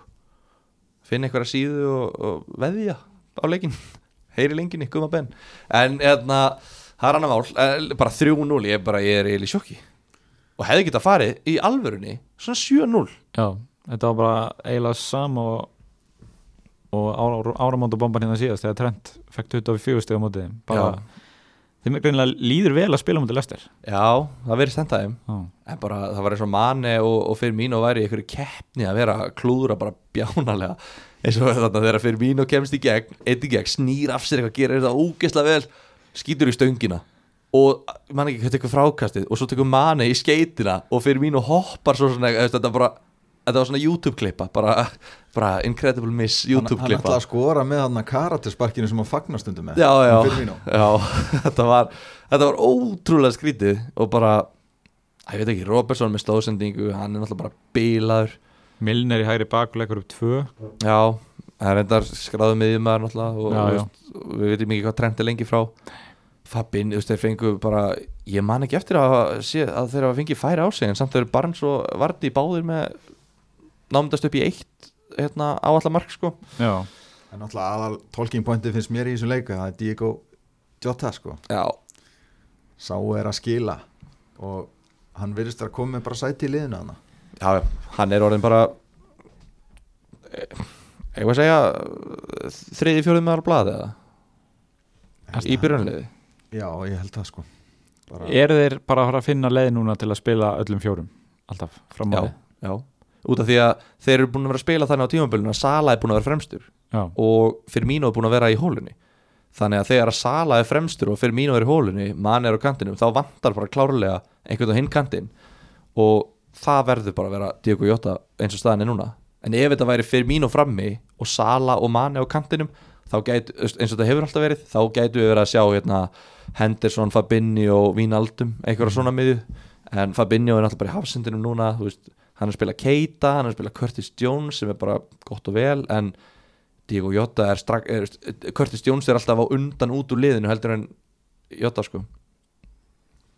Og hann er á 6,4 5 já, eins og við sögum í síðasta þætti ég menna þó hann byrja á bekknum og kom inn á hálftíma samt geggja valjú sko. já, í rauninni sko prógramið er náttúrulega bara unaslegt það er geggja þetta er bara indislegt að horfa á þetta. Þeir eiga Brighton, Wolves og Fulham í næstu þreim og Liverpool er líka svona lið sem að mætir svona liðum og bara skora. Já, þetta er ekkert eitthvað svona mannjú 1-0 eitthvað, þetta er bara, heyrðu, við ætlum bara að vinna 3-1 í dag og bara, drei, þið bara skorið eins og við viljið. Uh, eigum við að fara í breytingar á okkar liðum, mögulega breytingar eða eigum við að fara á í spurningar næst? Uh, við getum eða þið búin að gera breytingar? Nei, Vá, hvað er að gerast? Já, ok, þetta er komið. Nei, nei, þetta er ekki komið, hvað er að gerast? Heyrðu, ok, uh, hérna ok, ég er búin að gera breytingu. Já, og ég ætla bara að gera hérna. Ég er ógeðslega sáttum með liðið mitt eins og er. Já, en við getum tekið það líka í lokin. Tökum spurningar Já, tökum spurningarnar næst. spurningar. það er alltaf ótrúlega Heyrðu, ég bara afsaka þetta. Ég ætla að reyna að halda á þessu einhvern veginn öðruvísi herruðu, spurningarnar. Ah. Uh, Sala eða fucking Jota? Hvað eiga menn að gera? Það eru fullt af mönnum sem eru með Sala og geimdan, fullt af mönnum sem eru með Sala og seldan. Ég get ímyndað með margt verða en að vera með á báða sko. Ég meina, fólk álega efna að vera með á báða. Jota er svo ódýr. En sko ég er með Sala eins og er. Ég er ekki að fara að kaupa Jota alveg strax sko. Af hverju ekki? Ég er bara með annar plan sko. Hver er hver, hvaða leikmaður er með meira er, er, lí- veist, hvaða leikmann þarftu meiri liði til um Díoko Jota? hvað, erum við ekki að taka spurninga það núna? Ég er að spyrja, hann var að bæta stein við hérna. GT Geitin var að spyrja. Já, ég, mér finnst ég þurfa að sitja í varnamann fyrir þetta prógram. Á undan Díoko Jota í þessu programmi Já, ég er með góða kost á miðinni Ég er, hérna, Jota er frábær kostur en, Fóten líka, frábær kostur. Já, þú ert eftir að sjá Já, það við- við tölum um það á eftir. En hérna Já, ok. Uh, Já, Tammy vorum að taka hann. Uh, Frikki er búin að vera í löngu erfiðu hjónabandi með Sæs. Á hann að skilja? Já, Já, já, Er það ekki? hann, hann er ekki að spila hann, já. Já, meni, það er að vera í hjónabandi og, og makin er ekki í vinnu. Og þú sérð aldrei makkan Já, fjarsamband. Fjarsamband getur gengið. Já, þá er að tala við hann á Skype. Ef við ekki hendur hann, Þú heyrir ekkert í sæs sko. einhverjum möguleikum í staðinn. Að ný, nýri eiginkonu. Ef að fara strax í það, ef ekki leifur maður sirkja SS Nei, ok, hvað er með ekkert í staðin erum við ekki að tala um hérna uh, Vestham varnamenn uh, Chelsea varnamenn eða Manchester City varnamenn Jú, já, sammála því. Jú, ég myndi Aston Villa sko, nei, það er ekki eins mikil. Frek, Frekar hérna hitt Ég myndi reyna eins og ég gæti að taka Cancelo. Já, á, fjó- á 5,5 Mhm. en ef maður á ekki efna á því þú veist þá, jú Kúfal 4,5 ég er, ég er hrifin á honum. Maso Aku, mögulega. Uh, maður sjá hvort hattar Gilvi United eða var meira? Uh, akkurat í dag elska ég bæði en, en takk fyrir spurninguna. Uh, hvað sæti eru þau í overall? Vorum að taka það Herru, ég ætla hægt að lesa upp á spurningar. Já, getið þið tekið spá fyrir leikmenn sem gætu sprungið út og fengið mikið að stigum næstu umferðir? Bara, bara allir leikmenn, skiptir ekki máli hvort þeir eru búin að vera heitir ekki bara allir leikmenn, bara hvaða leikmenn er að fara að fá flest stig í næstu þrejum fjórum leikjum? Þetta er stór spurning sko. Maður horfður náttúrulega mikið í þetta leikaprogram Manchester City. Já. Þeir eiga, er það ekki Burnley, Fulham og West Bromwich heima í þremur af næstu fjórum leikjum? Jú, Ef ekki taka bara leikjaprogrammi hjá City. Ef ekki bara ræða það eins af Því það er með fullt af spurningum þetta með Kevin De Bruyne Bla bla bla, eitthvað Já, svona. já. Tökum bara leikjaprogrammi hjá City. Já. Hvaða leiki eiga þér? Segðu mig bara næstu fjóra leiki. Næst er á móti börnlega heima. Börnlega heima. Það myndum við skrá sem góðan leik. Já. svo kemur Fulham heima Það er frábær leikur. Uh, Manchester United úti. Góður leikur. Er, er það ekki? Fýll leikur? Þeim gengur yfirleitt ekki vel með United Nei, reynd, reyndar, reyndar uh, West Bromwich heima. Frábær leikur. Southampton úti. Newcastle Háa varnalínan Hvernig tekst þeim? En já, næstu fjóru leikir. Vafbja, Fúlham og Burnley heima. Þrýr heimaleikir í næstu fjóru veist Þetta eru leikirnir sem ég var að tala um að við langar að vera með varnamann í sko. Já, og þá er, maður, þá er valið eiginlega á milli Cancelo og Díaz finnst Já. mér. Báður á 5.5 eða ekki? Jú. Cancelo meira svona creative, hann er meira að búa til meira að taka þátt í sóknarleiknum. En Díaz er að koma fram í hótnum aukarspilnum og er alveg hættulegur í teiknum. Og mér finnst hann aðeins með örgari með spilatíma. Cancelo gæti verið bekkjaði fyrir Mendy í einhverjum af þessum leikjum. Já. Þannig að þetta er svolítið close call sko, ég bara veit ekki hvernig ég tek Og Cancelo er líka bara svona stoltið að spila eins og tíja stundum, finnst mér. Þeir eru svona með báða svona Þetta er svona inverted wingbacks þú veist, Þeir eru báðir mjög innanlega skoðið veist, Average position í, í leik sko, veist, Þeir eru bara eins og hafsendari raunin Volker og, og hérna, Cancelo Ég, ég bæði og ég átta mikið alveg á því af hverju Kyle Volker er ekki bara að snerta endalínuna og bara veist, í svona orðjar hlutverki sko, þannig að hann er bilaður. En hann er ekki í því hlutverki þannig að mér finnst eiginlega ekki valið því honum. En Cancelo, ég er svo hrifin á honum þú ert með hann hann Já, ég keifti hann fyrir þessa umferð. Ég hérna var mikið búin að pæli því mitt að ég þurfti að ná í lið og beigð fram á síðustu stundum með að gera breytingar. Uh, það er svo mikil óvisa og seldi Sæs á síðustu stundu og keifti Cancelo. Já. og það var aðalega bara einmitt til að fá einhvern inn að bekknum fyrir Sala og svo bara fyrir þessa leiki sem eru framöndan þú veist, ég var ekkert að kaupa fyrir þessa umferð heldur þessa leiki en ég er ekkert viss um að ég vilji kaupa einhver fleiri í Manchester City. Þú ert bara með Cancelo þegar já, af hverju viltu ekki kaupa Díaz líka? Jú, jú, ég er svo sem myndi alveg gera það. En, en ég er núna með í vörð Chilwell, Rhys James Bellerin og Cancelo. Ég er með fjóra varnamenn sem kosta fimm eða meira okay. og eru svona ættu svona öllu jöfnu að að spila bara langt flesta leiki þá er ég ekki að fara að bæta þeim fymta við sko. Nei, ef finnst- þú ert með stærri vandamál, þú Já. veist klálega en ég meina, ef þú hefur ekkert að gera þú mátt alveg selja Bellerín til dæmis að mínum að því, já, já. en ég veit ekki. En, en myndið þið kaupa varnamann frekar en að fara að hrúa inn eitthvað fram á við? Vor, varum við tvo varnamenn í Manchester City frekar en að fá einhver sóknastig ég myndi vilja, mér myndi líða mjög illa að fara inn í þetta program án þess að vera með einhvern sóknamann í City. Já, og með einhvern sóknamann í sitt í ertu að tala um Kevin De Bruyne? Þá er ég að tala um De Bruyne mögulega Sterling en aðalega De Bruyne. Já, ég bara sko ég væri, að, ég, veist, ég væri ekkert eðlilega stressaður að fara inn í næstu fjóraleiki án De Bruyne. Út af því að hann fæði kannski 17 stig í næstu umferð. Hvað ætlar þá að gera? Þá er þetta bara eitt leikur og svo mannjú, þá er þetta svona oh, veist, nenni ég að kaupa núna ef að, veist, þetta er bara eitt leikur og svo kemur erfiður leikur eða þú veist, ef hann er erfiður að þá ertu komin í basl og þú kannski sleppir í að kaupa hann og hann fær aftur 17 stig á móti fúlam og bara, þeir bara unlocka. Þá ertu bara búin að missa af helviti mörgum stigum þú veist, og ég, meina, ég get alveg sagt við þá sem er í þeim pælingum þú veist, ég verð með bandið á honum og ég er það bara að svífa fram úr ykkur með þú veist, 70 stig fyrir hann í næstu tveim leikjum. Er einhver möguleiki að vera kvildur nú er meistaradeildarleik uh, hvað er það, á morgun. Í kvöldi á morgun. Já, maður þarf að fylgjast vel með liðinu þar. Já, En sko, City búið að vinna alla leikina í meistaradöldinni ok, og þeir eru bara allir búin að fá sér mark og þeir eru kominir áfram. Þeir eru að skýta á sig í deildinni. Og þessi deild er núna bara up for grabs þú veist, það er bara, hún er bara algjörlega allra að vinna, það getur hver sem er komið og tekið hérna titil núna. Þeir eru að skýta á sig. Pep er búin að segja að það þarf eitthvað að breytast. Þú veist ég, hann, hann, við sáum það líka fyrra. Ef að De Bruyne getur spilað þá spila hann. Þeir, þeir eru með 10 mörg núna. Sama tími fyrir að voru með 27 já, það er rugglað munur. Þetta er bara alveg magnað. En já, ég er að veðja á að þeir hrökku í gang. Ég er eins og þú nefndir, þá er ég líka með fóten ég De Bruyne og fóten já, og sama hér, já, þú líka, já. Ég líka. Og fóten hefur verið maður þessara léttu heimaleikja. Sem við erum búin að tala um í svona mánuð. Við erum búin að býða eftir þessi í svona mánuð. Já, við erum búin að sitja í gegnum fjórar bekkjanir á honum. Við erum búin að fá bara 0 til 1 stig. Formaði bekkjarás hann er formaði bekkjar á saman fóten en núna kemur hann inn í byrjunarlið og hann skorar.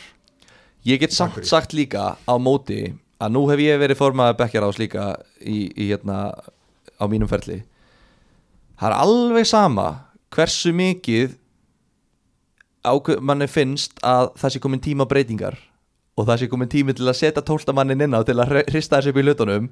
Það er ekkert víst að það gerist ég get alveg sagt þér það ég, færi, e, ég fengi ekki hjarta áfall ef fótinn verður bara enn eina ferðin á bekknum og þeir kreist út 1-0, 2-1 sigur á móti börnlei og það fer þetta svona þeir svona fara að vinna þessi leiki og, og fótinn bara deyr.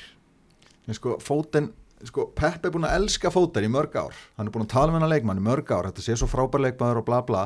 Mm -hmm. síðan er hann búin að brillara núna með Englandi skoraði tvö mörk í síðasta landsleik á móti Íslandi. Í léttum hérna, heimaleik. Já, í léttum heimaleik, nákvæmlega. Hann er maður léttu heimaleikina ég bara trú ekki öðru en að Pep setja hann inn í byrjunarlið. Ég bara, en þú veist ég er ekkit 100% viss að því, ég bara, þetta Nei. er bara óskhyggja í mér sko. Já, en sko, sorry ég gríp inn í en ástæðan fyrir að vera með að taka þessu umræðu og þetta er ekki bara sjálfsagt að kaupa þrjá sittumenn er kannski svo að þeir eru ekki búin að skora meir en eitt mark í leik núna í sex leikjum. Já. Hvað er það?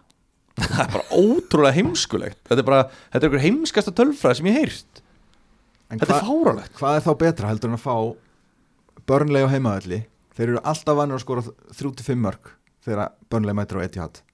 Þetta er bara búið að vera svona. Já, þeir eru búin að skora 5 mörk í sístu þremur heimaleikjum á móti börnlegi á Etihad já, nákvæmlega. og 19 mörk í sístu fjórum.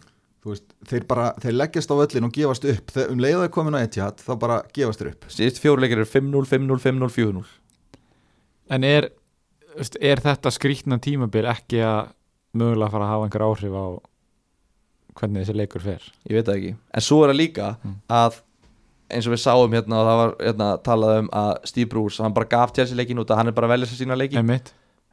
Dice geta alveg gert það, þeir vinna þennan leik og þeir eru svona, þú veist, komnir í smá gýr og eitthvað svona, bara damage control á móti, bara, hefði strákar, þú veist 4-0 tap og það er framfur og svo bara höldu áfram með næsta leik, mér gæti ekki verið meira saman hvernig þessi leiku fer, bara ekki meiðast, veist, ekki dirfast að meiðast fyrir næsta leiki. tölum um að þeir ættu fína leiki eftir maður sitt í þannig að Já, mögulega allar er bara Tarkovski minn, ef að þú ætlar í eitthvað 50-50 skallaði mig, veist, ekki gera það. Tapaði frekar bara skallaboltanum og, skilur hverju minna mm þannig að þetta er pæling. Hvað er Bruyne, hvað eru margir sem eiga De Bruyne núna? Ég held að séu 25% eða eitthvað, mér minni það. Það eru 17,8% 17% ok hvenar í heiminum ætlar þú að fá næst tækifæri til þess að vera með Kevin De Bruyne sem fyrirliða heima á móti Burnley og 17% eigan og kannski 10% eru með bandið á honum? 5%, 10% þetta er mjög góð sens þetta er besti differential sén sem að ég hef séð á fantasyferlinum held ég. Ég hef aldrei séð, nei ég er ekki, ég er ekki einu svona íkja já, þetta er no-brainer fyrir mig sem er að klifra upp að setja bandið á hann svo var einhver að pæli að kaupa Jésús en Aguero var komin á bekkin í síðasta leik. Ég held að verði eitthvað rotation hann á milli þannig að ég held að það séu annað- aðri betri kostir en þeir tveir. Já, Aguero var samt þú veist, ónotaður þegar þeir þurftu mark, þeir þurftu mark. Þannig að hann var greinlega ekki leikæfur þarna. og spurning hvort að Gabriel Jesus sé kannski bara veist, að ég veit ekki, hversu lengi nennur að fá Aguero inn í hópin og hann meðist eða þú veist hversu lengi nennir að reyna að gefa honum að því hann fær aldrei meira en 60 mínútur. Viltu þá bara hafa hann heilan utan hóps af því að hann meiðist ef hann spilar? Nei bara heila hann á bekk. Út af því að hann spilar aldrei meira en 60 mínútur. Og ég er bara að pæla ég meina, er ekki alveg bara, má hann ekki bara spila 30 mínútur? Er eitthvað munar á 30 mínútum og 60 mínútum? Eða þú veist þannig, skilur við Nei, en menna Viltu ekki frekar hafa mann sem spila 90 mínútur heldur en mann sem að spila bara einn hálfleik eða eitthvað? Jú, þess vegna vil ég frekar hafa Jesus heldur en Aguero í byrjunleginu þess vegna myndi ég frekar vilja kaupa Gabriel Jesus núna, á 9 koma eitthvað. Já, já, ég myndi bara kaupa kóruðan sko. Já, það er líklega best. Heyrðu, Ég er svolítið þar Svo við klárum þetta aðeins.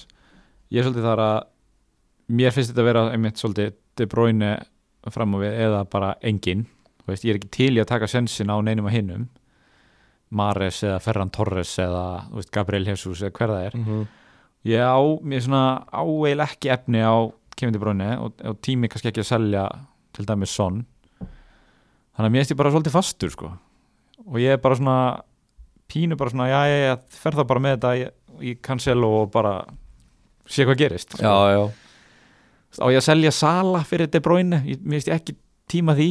Ekki fyrst ég hjælt honum í gegnum þetta COVID rust Ekki sens, ekki eins og Já. Það er sokkin kostnaður. Við megum ekki láta hann hafa áhrif á ákvarðatökun okkar. Eru, eru við fleiri spurningar?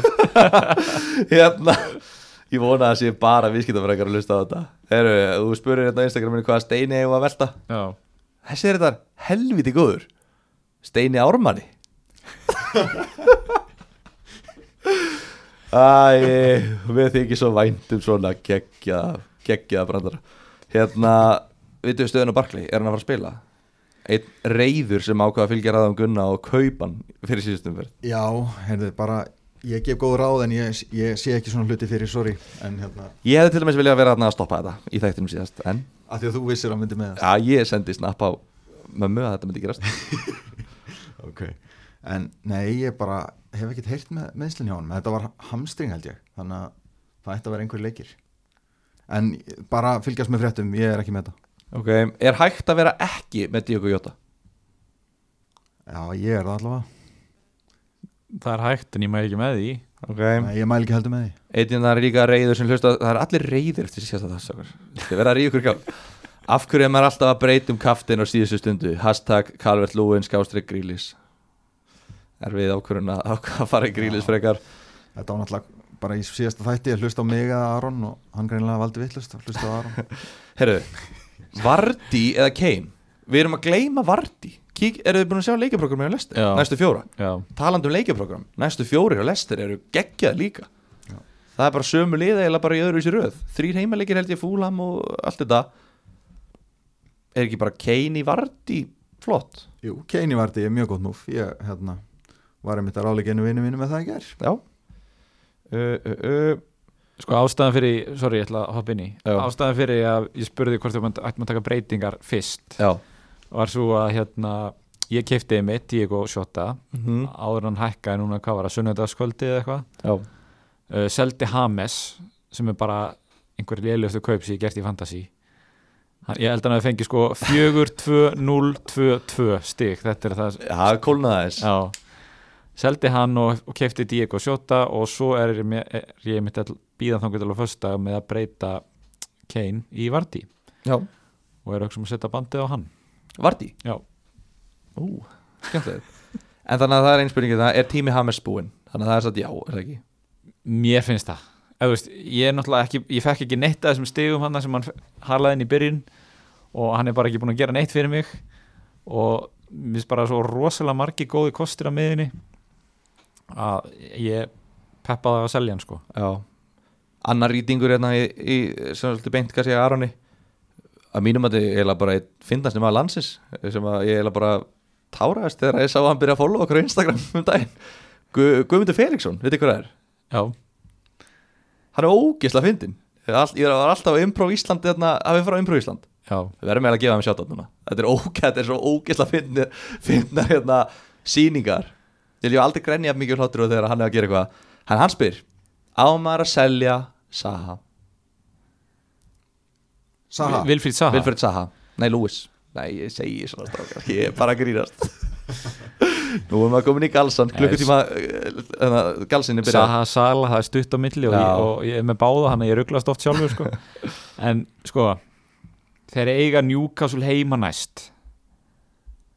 Uh, og þeir eiga held ég Burnley úti eftir, nei þeir áttu Burnley úti núna.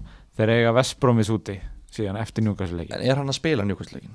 Er ekki bara málið að fylgjast með fréttum Jú. og sjá hvort hann, þú veist, það verður 100% verður Rói Hátsson spurður á næsta fundi, er hann klár? Og hann ætti að gefa svör með það, þú veist, já eða nei hvort hann sé leikfæra því að hann veit það alveg á þeim tímapunkti. Ef hann spilar þá halda, ef ekki þá selja Já, hann er með COVID, þannig að það er bara já eða nei. Já, já Það það hljóta að koma fréttir að því. Svo er einhver hérna sem er, þetta er allt bara spurninga til Aron sýnist mér Nú akkur sýrist þetta uh, eða þetta er einhver vinur þinn held ég sem er að senda þessa spurningu. Hann er ekki verið að spyrja mig og Gunna. Þetta er einhver, einhver, útlendingur ég veit ekki, David Regins David Regins spyr hérna. Vinu minn, sem er það vantilega Aron heldur upp í fantasy podcasti og titlar sig sérfræðing en samt er ég fyrir ofan hann í deildinu okkar. Hvað á ég að gera? Á ég að byrja að kalla sjálfa mig sérfræðing líka? Ég meina það er alltaf einhver fyrir ofan okkur, sko, ég veit ekki alveg hvernig það er þessu. en þetta er einhver vinnur Arons sem er að spyrja einhver. Da David uh, Spánveri da David David er ekki eins Regins Já. ég veit það ekki, allavega, hvað myndir að gera kunni? Ég myndi bara kalla mig sérfræðing að ég væri hann. Er það? Já, já, bara. Hann er svo sem ekkert eitthvað brjálaslega að vera fyrir hann Aron eins og er, eins og er Nei, nei Ég er enda gengi ekkert um götturnar og kalla mig einhvern svan fantasy sérfræðing, sko. Nei, þú kallar Þú bara að þú það Þú segir bara, sá besti. Já. Uh, Gunni, ertu búin að hafa samband við jápunkturis og láta breyta í fantasy sérfræðing? Það er að fara að gera það, sko. Ég var til að jábúndur í því og sjá bara Gunnar, sá besti. Herðu, er þetta ekki bara loka spurning uh, einhver sem er búin að vera kaldur sem er að fara að hitna þú veist, einhver sem er að elda stig. Bara tvö nöfn á mann. Það, það er rosa easy að segja sitt í leikmenn sko. Já, gefðu mig bara nafn bara tvö nöfn. Okay. Mér vantar stig í næstu fjórun leikjum sem einhver annar er ekki að fara að fá. Gefðu mér þau. Jamie Vardy. Ok. Uh, þú veist, Þetta er svo easy way out. Jamie Vardy og Kevin De Bruyne. Já, ok.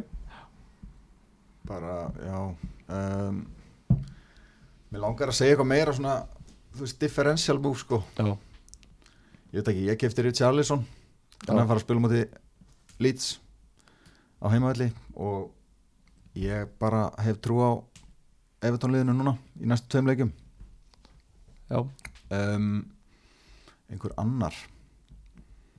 Mm, kannski Ferran Torres geti komið óvart. Já.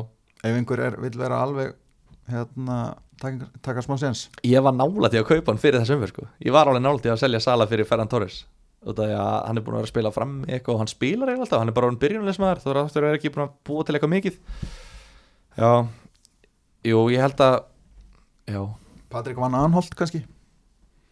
Hann er með mjög góða hérna, tölfræði fram á við og hann á næstu tvo leiki leta fá hvað það kom eins og bara þrjum á reyskinu lofti. Ég var enn að hugsa. Já, en svo meikar þetta alveg sens. Já, ég myndi segja líklega De Bruyne Vardí, Fóten Ég held að Fóten sé að fara skora í næstu leikim Já, ég sko, ég, ég, Ferran Torres heillar mig mjög sko. Já, ég, er svona næsti mannstu sitt í maður að bláða hjá mér en ég bara legg það ekki á mig eftir öll vombriðin í haust að fara að taka sjensin á einhverjum byrjunulega sætum sitt í sko. Nei, nákvæmlega. Maður nú kannski reynir að læra eitthvað einhver tíman sko. Já, einmitt. Þannig að, En þá eru bara spurningar búnar já. Hvernig lítur þetta út fyrir næstu umferð hjá okkur?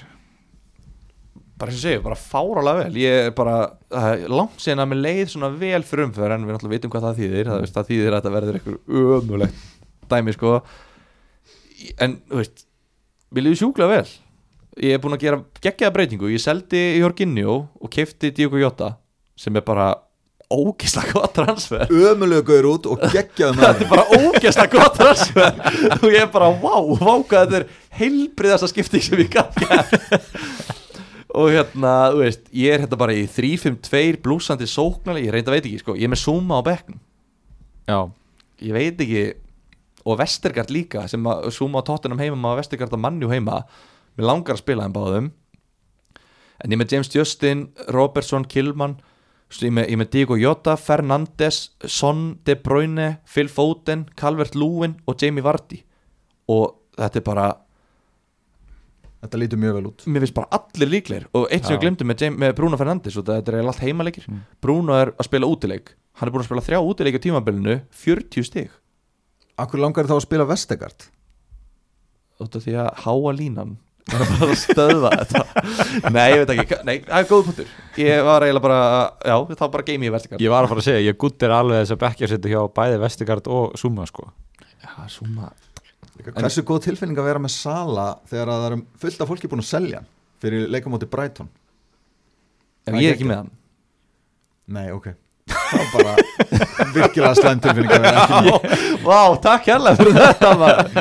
Sorry, ég held að vera með hann. Það er þess að kippa þér á jörðina. Já, nei, ég er ekki með hann. En ég er með Kilman sem er að fara að mæta Arsenal útivelli Eða Zuma sem er að fara að mæta Tottenham heimavelli Hvernig á ég að láta byrja? Kilman Er það ekki? Ég hefur séð Arsenal fram á Ég hef nefnilega síðan Arsenal og þess vegna er ég með Kilman Og ég hef séð Wolves líka og þess vegna er ég með Kilman En, að, ég veit það ekki. Kemur í ljós, allavega, mér líður bara sjúkla vel með þetta lið Og í nokkuð vissum að ég taki svona 5-600 þúsund í næstu umverð upp. Komast í topp 2 Kaftið De Bruyne. Vardí var að fyrir liði þú veist, ég er alveg að melta þetta en eins og ég er að segja, ég, ég mun aldrei fá jafn mikið tækifæri til þess að príla upp heldur en þetta núna. Nei, nei. Men Þú ert með De Bruyne, Bruno, Son, Diego Jota. Hver er 50 miðmæðurinn? Fóten Foden, ok. Og Vardí og Kallast Lúin Mér finnst þetta bara, þæ, bara gott balans og veist, ég, veist, ég, ég bara, mér finnst þetta bara mér líður rosa vel að sjá þetta lið. Hljómar vel. Alltaf þegar ég skoða liðan skunna þá er ég bara fokk hvað þetta er bara lógist þetta er alltaf svona oh, þú veist, það er bara balansið þess vegna var ég í sjokki þegar ég kýtt að liðið þetta núna. Richarlison og Calvert Lúin þú byrð tvo fram mér og þeir báðir Everton. Ég var bara byrju, wow, hvað hérna, er hann á hörðum efnum í dag eða þú veist. Að hérna mér líður þess að liðið mitt sé svona gunnalið skiljið, Svona eins og Íslandsmeistar hefur sett það já, saman. þetta er svona, svona gæðastimfillir, svona approved. Já. En hvað er þið búin að gera? Herru, ég fór við mínar breytingar hérna á þann Já. uh, Fyrirliði? Fyrirlið Ég reikna með að kaupa Vardí og skella bandinu á hann. Já, hann á fúlam heima. Uh, ég hugsa sé ekki rosalega margir að fara að kaupa hann eftir leikinn um helgina en hann er samt þriði mest kefti já uh, hann er múin að hækki 10,2 25% eignarhlutvall og á einmitt fúlam, Sheffield, Brighton og Everton í fjórum næstu. Mér finnst þetta bara mjög góðu fyrirliði í næstu umferð sko. Bara mjög góð svona differential og mér finnst alveg erfitt að selja Kane en ég held, nú er ég bara að horfa á þess næstu fjóru leiki og ég held bara að Vardí sé að fara að skila meira í þeim og þá get ég bara keift Kane aftur. Já, Vardí er líka með mesta, eh, hæsta XGI á tímabilinu. Hæstu áalluðu aðkomu að mörgum sem komið svolítið óvart en ja, Vítin telja svolítið mikið. vítin telja mikið, hann er með 13 stórfæri, einu sem eru yfir 10 eru, eru Carlos Lúin og Bamford. En non-penalty XG hjá honum er auðvitað ekki hátt. Það er svona 0,03 Já, og hérna svo uh, plani fyrir sér síðan næstu umferð eftir þetta er þá að selja Wilfried Zaha og uh, þennan Davis. Þennan Davis. Sem er búin að rinni verði. Hann er bara Já. 4,3 eða 2, hvað kostar hann? 4,3 óþólandi Já. að kaupa eitthvað á 4,5 og bara geima hann bara, bara vara maður nummer 3 ég ætla ekki að pæla neitt í þér. Mm. og svo svona, ætti ég kannski að selja hann? Nei, nei, búin að rinni verði og ég er ekki búin að taka eftir því. Og selja þess að tvo og kaupa Hakim Ziyech og Patrick Bamford hverja finnst þið líkurnar á að þú munir lendi í eitthvað svona öðruvísi skakkaföllum sem munir breyta þessu öllu og þú þarf bara að gera eitthvað annað? 100% það er eiginlega 100% þetta er óþólandi en Gunni, Já, hérna Ég er að hugsa um að kaupa sitt í varnamann annarkvort Díaz eða Cancelo. Og ég sé löglega hann bara Mitchell fyrir, fyrir það. Ég á, á 2,4 í bankanum hann að ég á alveg fyrir því. Um, með Richarlison hann er bara að hugsa það sem þryggja leikja pönt sko, á móti Fulham síðasta leik, núna á móti Leeds svo á móti Burnley, svo selja hann fyrir Bamford. Þannig að Samna meiri penning samna meiri penning sem að mun nýtast bara annars þar Hann er svona þinn geðhjógrunafræðingur Nei, ég segi svona. Við erum, við erum búin að vera alltaf lengi hérna inni maður, maður bara að segja eitthvað. Nei, ok, við kleifum þetta út maður, hættum þessu Erum við ekki bara Kaftin, Sala eða í bruni? Ég bara kasta pening upp á það. Þetta ekki hrættu við Sala? Bara að hann sé eitthvað slappur og bara, eða þú veist? Nei, ég, eins og ég segi bara, menn eins og þú, bara selja hann bara. Og það er bara fullt af fólki búin að selja hann. Menn eins og ég. Okay, þetta, átti ekki að vera neitt skot, ég er bara að segja. Það er fullt af, disrespectful Það er bara mjög dónalegt það er fullt af dedicated spilurum eins og þér sem að leggja mikinn tíma í þetta sem eru búin, eru búin að selja hann. Nú er ég orðin þryggjára smábat Já, nei, það er alveg rétt. Já. og þess vegna finnst mér bara geggja kaftin hann þegar hann er orðin svona smá meira differential en hann var. Hvað er 27,6% 27? sem er með hann, Já, vá. Það er búið að vákar margir vá búin að hvað hefur hrunið maður. Það var eitthvað 50 eða eitthvað? Það var allavega miklu hærri en þetta. Þannig að það, þetta verður allavega áhugaverð næsta umferð, ég geti trúið að það verði mikið skorað og mikið að stigum. Og svo er þetta bara spurning um að hitta rétt. Er Það er um rosalega sko. slæma tilfinningu. Ég er með alltaf góða tilfinningu til þess að geta verið með raunverulega góða tilfinningu Já. hún, er það góð að hún er slæm. Veist, Ég veit að þetta fer bara úrskiðis oh, Ég er fann að kvíða fyrir næsta þætti sko. ef ég sett bandi á Timmy Vardy þá er hann að spila á mánudeginum Ú, hann er náttúrulega að spila á mánudeginum hvað sem er, þetta er bara spurning um Já, já. Ekki svo, ekki svo mín ákvörnum breyti því eitthvað. Já. En já, það, þú veist, mér líður svona vel með það eiga það þá inni. Skemmtilegur sunnudagur framöndan fyrir alla sem eru með sama leikja fettis og þú. Já. Lögadagsleikurinn klukkan 8 er Vestbrám Sheffield, ég verð ekki límdur við sjómarfið. Samsko skemmtilegur fantasílaugardagar að vera með Liverpool í hátteginu og City klukkan þrjú og Calvert Lúin klukkan hálf sex. Calvert Lúin já, þú veist. tiltökur hann sérstaklega. Já, bara svona, þú veist, það er það sem er að horfa á. Já, ja, Ertu hættu að selja Calvert Lúin eins og ætlaði að gera Heru, Við tókum það ekkert. Nei. Ég hérna Ég hafði bara, eins og ég sagði, hann er vandamál nummer 6 hjá mér. Þannig að ég er bara býð eftir að selja hann sko Því að hann er ekki, hann er ekki að fungera í þessu fantasíliði hann er stórt vandamál í liðinu. Hann er vandamál nummer 6 Ja, 13 stig, þetta er bara, þetta er ekki nú gott. Hann er, hann er fimmsti í síðasta leik. Hann- Það bara að hægjast á honum. En ég, nei, ég held ég, Ok, ég var þetta, ég vissi ekki alveg með fúlamleikin Hvort myndi gerast, hvort það myndi skora tvö eða ekki. Fyrsta marki var náttúrulega ekkert mark veist, hann bara, Það sparkaði í hann, þetta er bara barnalegt. En þarna, ég held í alvörinni Að núna sé Bara stopp Ég held bara, núna, Calvert Lúin Sé bara búin Eða þú veist, mér Ég, ég, var- ég, er, ég gæti alveg bekkið hann Sett Zuma inn og, og, og Calvert Lúin á bekkin Calvert Búin Dominik Calvert búinn. Það er bannað að segja þetta nema þá að selja hann. Þú getur ekki haft hann í liðinu þínu og tala svona illum hann, þetta er bara illa gert. Hann er bara Calvert búinn. Þú veit þetta gott, við erum fullt af góðum orðum Þetta sem við erum að búa til. Vá. Dominik Calvert búinn þú, þú veist, hann, hann heitir samt Dominic Calvert Lúin sko, þú veist, Lúin Lúin Hann er Lú, já, heyrðu. Þú veist, þannig að það er eiginlega jafn gott líka sko. Strákar, Oh my god. Ég ætla að slökka á okkur hérna. Vá, maður. Komum við allt og langt í einhverjum pæli, við erum komin í einhverjum seppagalsa uh, við þökkum fyrir í byli og heyrumst í næsta þætti